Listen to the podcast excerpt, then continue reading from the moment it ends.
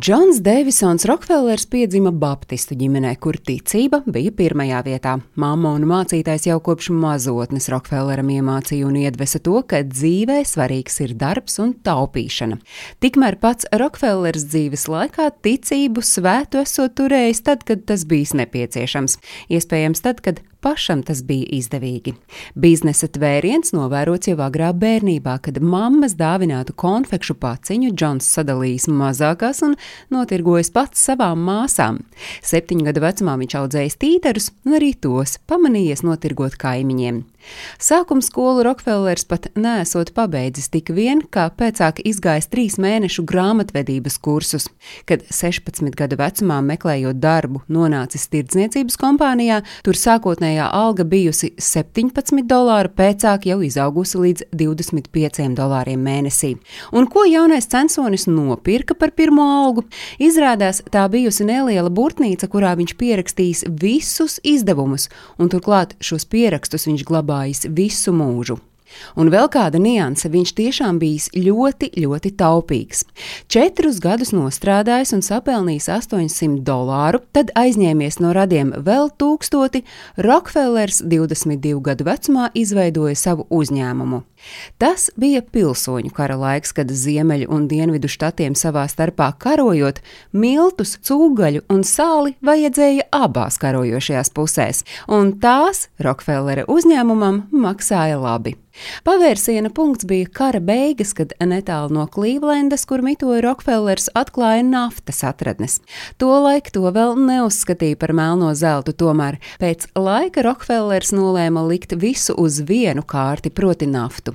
Rezultātā pēckara posmā Amerikā sākās ekonomiskais pacēlums un pieprasījums pēc petrolejas kurināmā un smēreļām pieauga tik strauji, ka jau pēc gada Rokfellera kompānijas pārdošanas apjoms aizsniedzēts līdz diviem miljoniem dolāru. Un, lai arī vēlāk sekoja krīze, tā īpaši neskāra Rokfelleru, kurš vadījās pēc viena lieliska principa - nevis zaudēt, bet iegūt no krīzes. Tas bija laiks, kad Rokfellers dibināja akcionāru sabiedrību Standard Oil, aizsākot visu iespējamo konkurentu pārpirkšanu.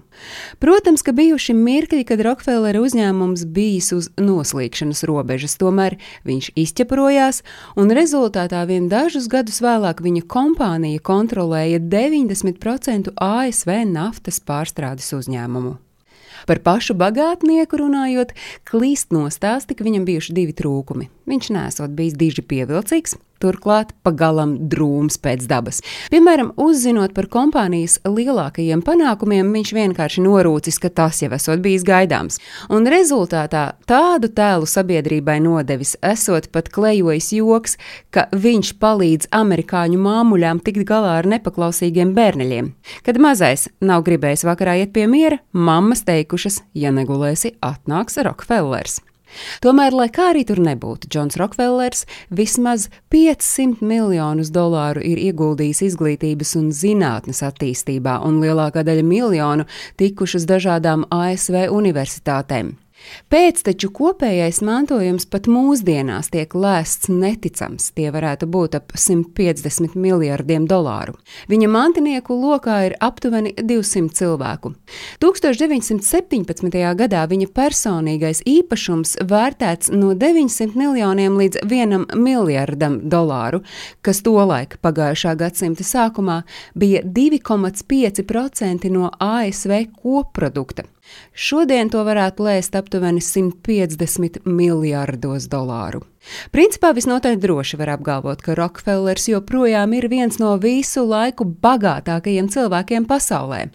Starp citu, no baltiešiem Rokfelleru ģimenē izdevās ieprecēties lietuviešu imigranta ogļrača meitai Ievutei Pauļekūtei, kura, neraugoties uz to, ka nebija dzimusi Lietuvā, 1933. gada pasaules izstādē Čikāgā pildījusi Miss Lietuva lomu.